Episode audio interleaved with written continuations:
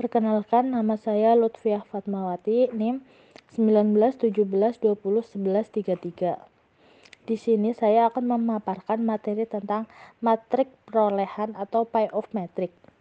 Matrik perolehan atau pie of metric adalah suatu tabel berbentuk segi empat dengan elemen-elemennya yang merupakan besarnya nilai perolehan yang bersesuaian dengan strategi-strategi permainan yang digunakan oleh kedua belah pihak. Pi of metric juga diartikan sebagai matrik yang memuat informasi mengenai kemungkinan yang dapat terjadi, serta nilai dari masing-masing outcome tersebut. Ide dasar dari teori permainan adalah tingkah laku strategi pemain atau pengambilan keputusan.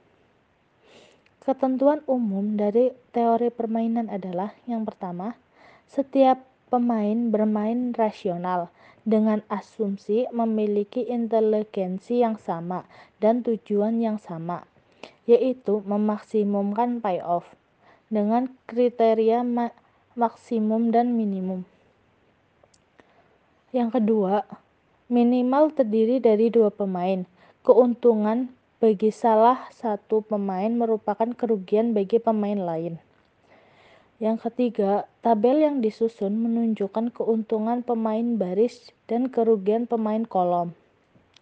Yang keempat, permainan dikatakan adil jika hasil akhir menghasilkan nilai nol, tidak ada yang menang atau kalah.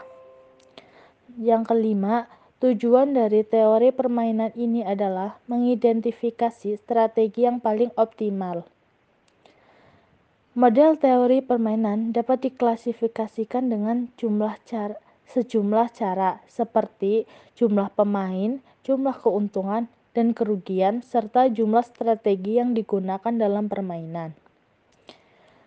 Dalam buku Operational Research mengidentifikasikan bahwa permainan permainan atau game theory merupakan teori yang menggunakan pendekatan matematis dalam merumuskan situasi persaingan dan konflik antar antara berbagai kepentingan.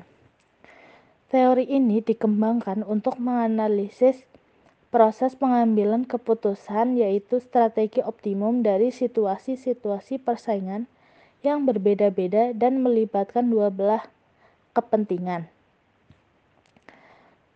Sekian dari saya. Terima kasih.